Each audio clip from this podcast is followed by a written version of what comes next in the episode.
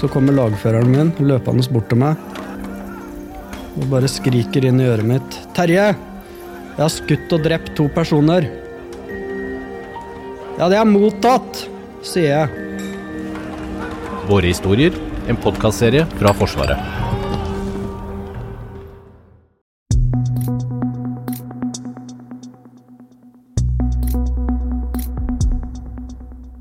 Forsvaret vårt er lite og sårbart. Egenevnen er for svak, og utholdenheten for lav. Mangelen kan skyldes en politikk over år basert på økonomiske forhold og en mindre prekær sikkerhetssituasjon. Kommisjonen skriver at i dagens situasjon så framstår en slik politikk direkte uansvarlig. I dag la Forsvarskommisjonen fram sin rapport om hvordan Norge skal forsvares 10-20 år fram i tid. Det var et dystert bilde kommisjonen tegna opp, og de er tydelige på at Norge har formidable utfordringer å løse. Men Det er ikke helsvart. du hører på Forsvarspodden. Jeg heter Hege Svanes. Vi skal straks snakke med både Forsvarskommisjonens leder Knut Storberget og forsvarssjef Eirik Kristoffersen. Men først skal vi høre et sammendrag av Storbergets fremlegging av rapporten tidligere i dag. Norsk sikkerhetspolitikk og norske interesser står etter kommisjonens mening overfor formidable utfordringer. Men også muligheter.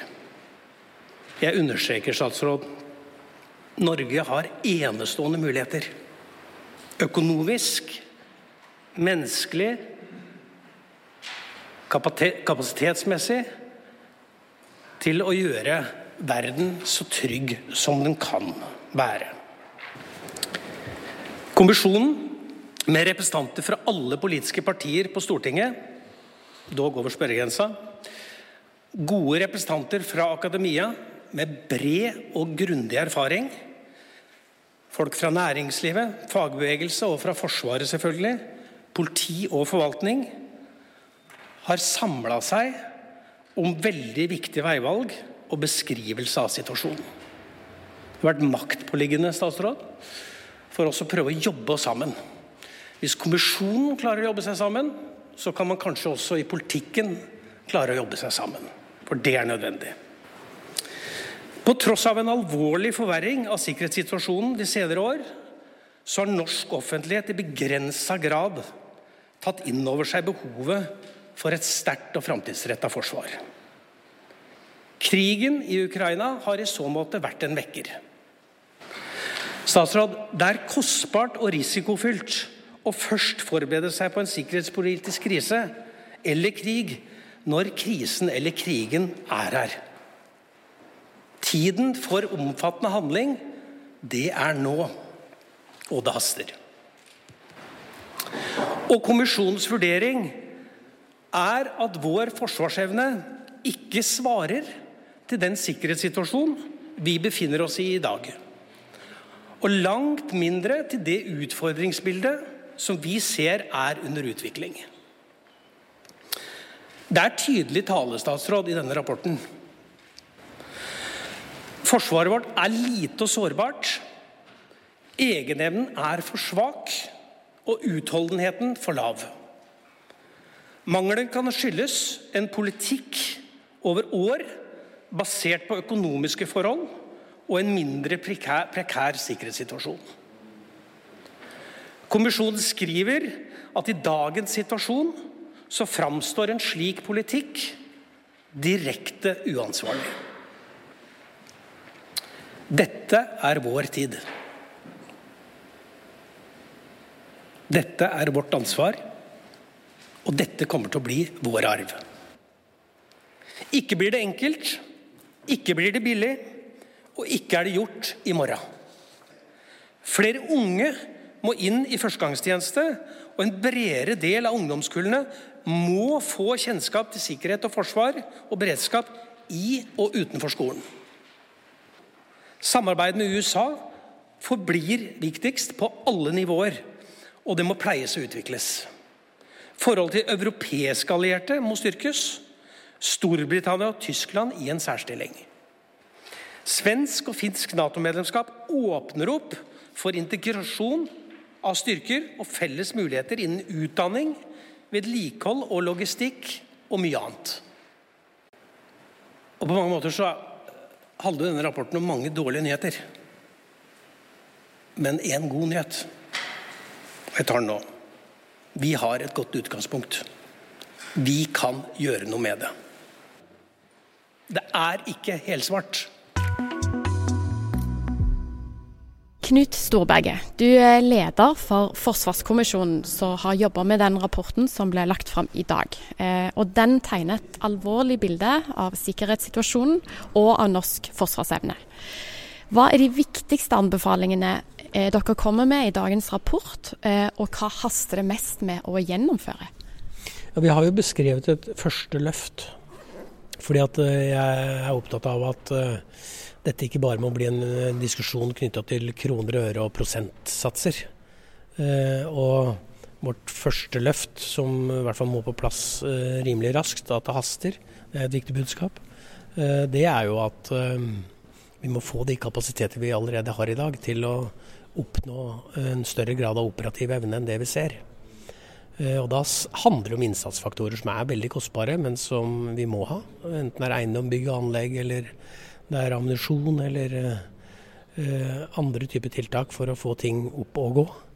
Eh, og vi mener jo også fra Forsvarskommisjonens side at det haster å få i gang uh, utvikling av et mye bedre luftvern for Norge.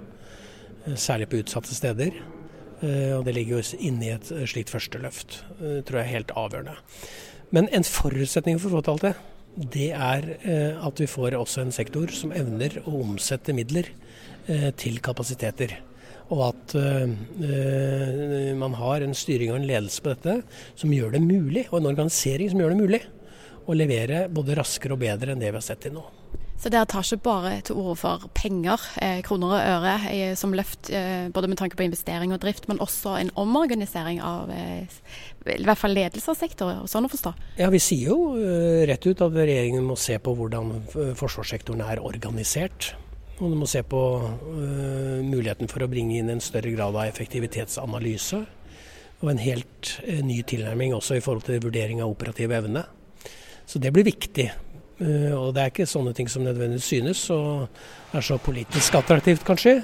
Men det er helt avgjørende at det er på plass. Jeg holdt å si, Det verste vil jo nå være å pøse mye penger inn i en sektor som ikke klarer å omsette det i mer operativ evne. Dere nevnte tre løft, eh, og også noen eh, beløp som var knytta til de ulike løftene. Kan du kort bare skissere opp hvilke løft dette er snakk om, og eh, har du noen konkrete eksempler til de ulike løftene? Vi snakker jo om økt operativ evne og få kapasiteter til å virke som et første løft. Alle løftene må starte med en gang, for vi trenger personell til alt, f.eks. Det andre er en betydelig maritim satsing. Jeg har vondt som kommisjonsleder å se for meg at Norge skal stille seg i en situasjon om 10-20 år hvor vi ikke har en overflatestruktur som matcher det betydelige ansvaret vi har til sjøs. Uh, og Det tredje er jo å tenke helhet. Både sivilsamfunn, totalforsvar og ikke minst en uh, forsterking av Hæren over hele landet. Både i nord, men også i sør. Uh, er jo viktige innsatsfaktorer for å kunne stå imot i forhold til alliert mottak, oppmarsjområde ved tenkt konflikt osv. Eh, hva blir den største forskjellen hvis anbefalingene fra kommisjonen blir fulgt, eh, sammenlignet med sånn dagens forsvar ser ut? Hvordan vil det påvirke oss, eller Forsvaret? Jeg håper at det vil påvirke til retning at vi får eh, en forvaltning av forsvarsressursene som blir mer langsiktig og forutsigbar. Jeg syns at de som sitter i posisjon i dag, fortjener det. Enten du er general, eller du er troppssjef eller kompanisjef eller for den saks skyld menig. Eh, fordi at den usikkerheten som har vært f.eks. gjennom eh, bevilgninger fra år til år, eh, den tror jeg ikke har gjort systemet godt. Så forutsigbarhet og langsiktighet håper jeg blir en tanke. og Derfor foreslår vi også en sånn nasjonal sikkerhetsstrategi som i mye større grad skal skape forutsigbarhet, men også se trusselbildet i det eh, omfang som det faktisk melder seg, og som er veldig sammensatt, og hvor det sivile og det militære grensesnittet stadig blir utfordra. Eh, etter krigen, eh, andre verdenskrig, så var det jo bredde, altså full mobilisering. Man bygde Heimevernet. Eh, og så har vi hatt en periode der vi har spissa og spesialisert og sendt ut på internasjonale operasjoner. Mm. Hvordan tenker du at Forsvaret nå skal se ut framover? Skal vi tilbake igjen til alle mann ved pumpene, alle mann i arbeid? Nei, jeg mener jo at mye av det som har skjedd av endringer i Forsvaret, faktisk også er til det gode. Eh, forsvaret av 1990 ville aldri kunne stå imot den sikkerhetspolitiske trusselen vi ser inn mot år 2100. Det er et helt annet trusselbilde. Mye er også av det gamle, eh, det konvensjonelle, men vi står overfor en helt annen situasjon. Derfor er det jo en fordel at man på mange måter, og vi kan si dessverre, at er, eh, man starter litt på bar bakke. Men da har vi alle muligheter til å bygge det systemet, og hvor vi ser at strukturer ikke nødvendigvis bør stå i veien Eh, for at vi får god operativ kraft for å slå tilbake alle typer trusler. Og Når du nevner trusselbildet vi står overfor, eh, og altså sikkerhetssituasjonen, hvordan ser den ut for dere som har sittet med dette arbeidet i kommisjonen nå det siste halvannet året? Ja, Vi har jo følt at den, eh, det ser mer akutt ut og det ser mer dominerende ut enn det vi ofte føler er tendensen ute i den eh, mer sånn offentlige debatt og det offentlige ordskiftet. Og Det er jo noe vi må gjøre noe med. Og det, Vår rapport kan jo kanskje bidra til å nettopp få fram det. Eh, vi mener at eh, vi har en alvorlig sikkerhetspolitisk situasjon rundt oss eh, som vil utfordre oss. Men det er ikke umulig å gjøre noe. Det understreket flere ganger i dag. Det er ikke umulig å gjøre noe. Det er ikke helsvart. Vi har alle muligheter i Norge hvis vi spiller de politiske korta våre riktig. Og det må vi bidra til, alle sammen. Å skape en politisk diskusjon knyttet til dette her som bringer oss framover. Og ikke stå i stampe med gamle, gamle diskusjoner. Hva er de største truslene for landet fremover, som dere ser det? Eh, og hva kan konsekvensene bli hvis anbefalingene fra kommisjonen ikke blir fulgt? Altså, altså det, det, sier seg sjøl. Vi ønsker å foreslå disse tiltakene for å skape trygghet. Og Gjør man ikke dette, så mener vi at det er risiko for betydelig utrygghet. Eh, og det er vanskelig å definere hva som er den største trusselen. Eh, men jeg vil nok si det at geografisk sett så kan vi ikke Eh, slappe av med henblikk på hva eh, våre russiske naboer kan finne på. Eh, de har betydelig kapasitet i nord, både konvensjonelt og ikke-konvensjonelt. Og det er også sånn at globalt sett så vil situasjonen knytta til en rivalisering mellom USA og Kina kunne utfordre oss, som også er en stor dimensjon i dette dette store teknologiske skiftet vi står overfor, det er en enorm innebærer også en enorm mulighet, men også en enorm trussel. Og ikke minst, da, som vi også skriver om, klimautviklingen, hvor vi ser allerede at det kan avstedkomme kamp om ressurser, men også økte samfunnsmessige spenninger som kan vippe over i en sikkerhetspolitisk situasjon. Kan vi på en eller annen måte dra nytte av at vi får nye, altså våre naboland med inn i, i Nato? Eh, kan vi liksom, litt sånn enkelt sagt si at vi tar sjøen og marinen, og så er Finland fotsoldatene, og så jobber vi mot et felles nordisk eh, forsvar? Vi kan dra betydelig nytte av et svensk og finsk Nato-medlemskap, men det vil også forplikte oss. Fordi at vi er de nærmeste, og vi vil måtte risikere å, å også yte hjelp i en gitt situasjon. Eh, Samtidig så eh, tror jeg at eh, vi kan få ganske store uh, stordriftsfordeler. Og at vi kan få et samvirke og en arbeidsdeling. som jeg ikke tror går så langt at man sier at noen tar sjø, og noen tar luft, og noen tar her. men at man kanskje i større grad tenker geografisk fordeling. Men ikke minst integrasjon og samvirke. Og Det ser vi jo bl.a. Luftforsvaret er i god, god driv på å få til, men også de andre grenene. Eh, slik at her er det jo et kjempemulighetsrom som politikere og fagmilitære må nytte seg av. Dere tegna et skikkelig dystert bilde uh, av situasjonen nå på uh, overleveringen av rapporten. Men du sa du hadde en god nyhet også, og det var det at du, var, altså at, du, at du, hadde et godt utgangspunkt for å gjøre noe med ting. Vil du si at du er en optimist med tanke på situasjonen vi står i, og med tanke på utviklingen av Forsvaret? Jeg er kjempeoptimist, jeg. Ja.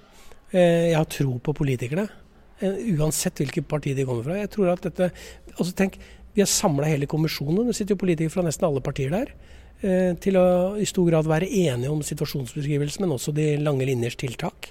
Så jeg er optimist i forhold til politikken. Jeg er også optimist i forhold til Norges økonomiske situasjon. Selv om det er utfordringer, så er vi i en særegen situasjon. Eh, hvor vi faktisk har råd til å betale en forsikringspremie. Vi er optimist i forhold til vårt samvirke med de allierte, hvor vi har sett mye kapasitet. Og ikke minst alle de menneskene vi har møtt som kommisjon i Forsvaret, og også sivile. Det har vært bare imponerende, egentlig. Fra general til menig. Og som gir meg optimisme at her har vi mulighet til å få til noe sammen. Eh, forsvarssjef Eirik Kristoffersen. Eh, I dag ble Forsvarskommisjonens rapport lagt fram, eh, og den tegner et nokså dystert bilde av også Forsvaret i dag. Blant annet så blir Forsvaret kalt lite og sårbart, og at det blir også slått fast at norsk forsvarsevne er for svak. Kjenner du deg igjen i denne situasjonsbeskrivelsen? Ja, det vil jeg jo si. Det var jo sånn at forsvarssjefen ga jo et fagmilitært råd i 2019 som var det forsvaret vi mente trengtes for å kunne forsvare Norge. Og Så ble det vedtatt en langtidsplan eh, som eh, jeg påpekte hadde noen muligheter hvis man var villig til å bruke mer penger. Det gikk på å investere i mer luftvern. Eh, det gikk på å investere i det vi kaller langtrekkende eh, presisjonsild, eller langtrekkende våpen. Eh, og det siste var jo at eh, jeg også ønska mer personellopptrapping tidligere. men samtidig så må jo Forsvaret forholde seg til den langtidsplanen som er vedtatt, og så må vi gjøre det beste ut av, av de pengene som faktisk er tildelt. Kjenner du igjen hvor det kniper, på en måte? Uh, klarer du å se at det stemmer overens de eh, inntrykkene du har som forsvarssjef i dagens sikkerhetssituasjon, uh, med de anbefalingene som Forsvarskommisjonen kommer med? Det, det, det, forsvaret vi har i dag, er jo et forsvar som er, jeg mener er ganske rett innretta. Så det er ikke noe galt i det forsvaret vi har i dag. Vi har flinke folk som leverer eh, med, de, med, de, eh, systemene som Forsvaret har innenfor både land, sjø og luftdomenet. Eh, eh, og, så, kjenner jeg meg igjen i at vi må se på både den, si, den maritime overflatestrukturen. Vi har beslutta å kjøpe nye undervannsbåter. De kommer senere enn planlagt, men de kommer. Det betyr at vi må levetidsforlenge undervannsbåtene. Og vi har investert i maritime overvåkningsfly. Men det som er det store spørsmålet fremover, er jo hva gjør vi med den maritime overflatestrukturen. Altså Både korvettene vi har, Skjold-klassen, er på slutten av levetida si, eh, og fregattene har også mangla. Eh, Bl.a. at vi ikke har hatt f.eks. helikopter om bord på fregattene. I tillegg så er det et system som vi er enebrukere av, som krever betydelig opp oppgradering. Så, så, jeg kjenner meg igjen i den maritime satsinga.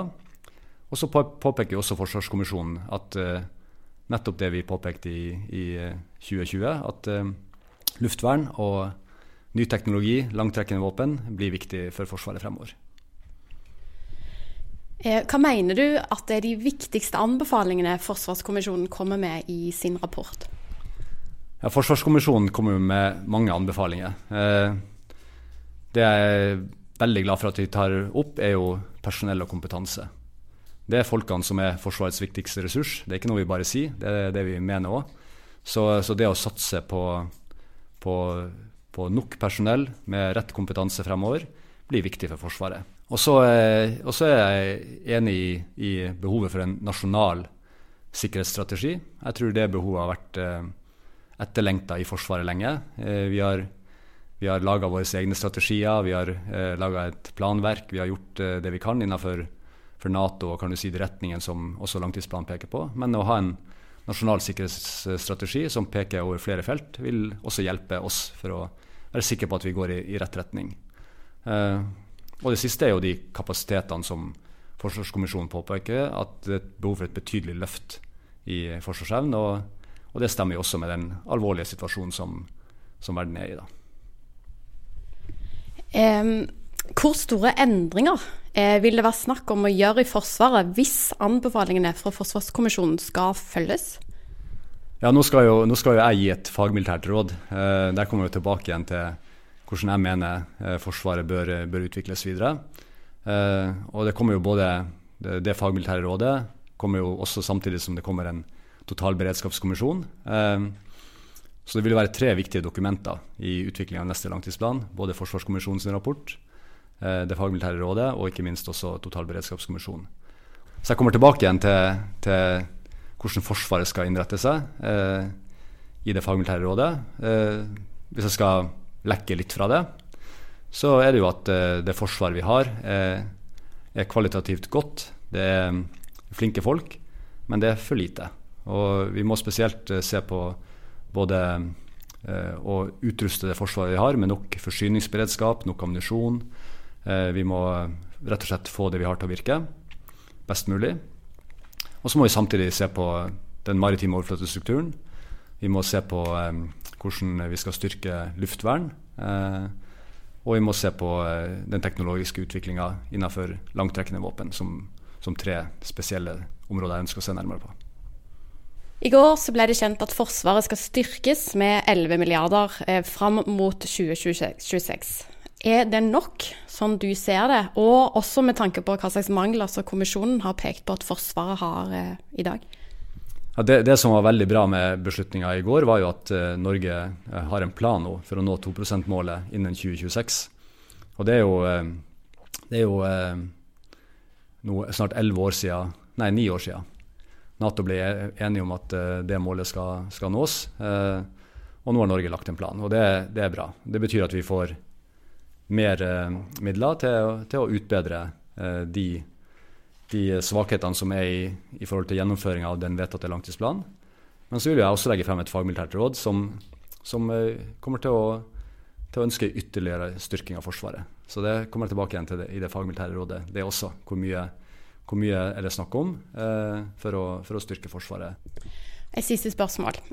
Hvordan er det å være forsvarssjef i dag, når overskriften er at Forsvaret må styrkes betydelig? Det er jo, det er jo med Jeg er jo enig i det. Altså, jeg er jo enig i at Forsvaret må styrkes. Eh, det sa jo også fagmilitært råd i, i 2019.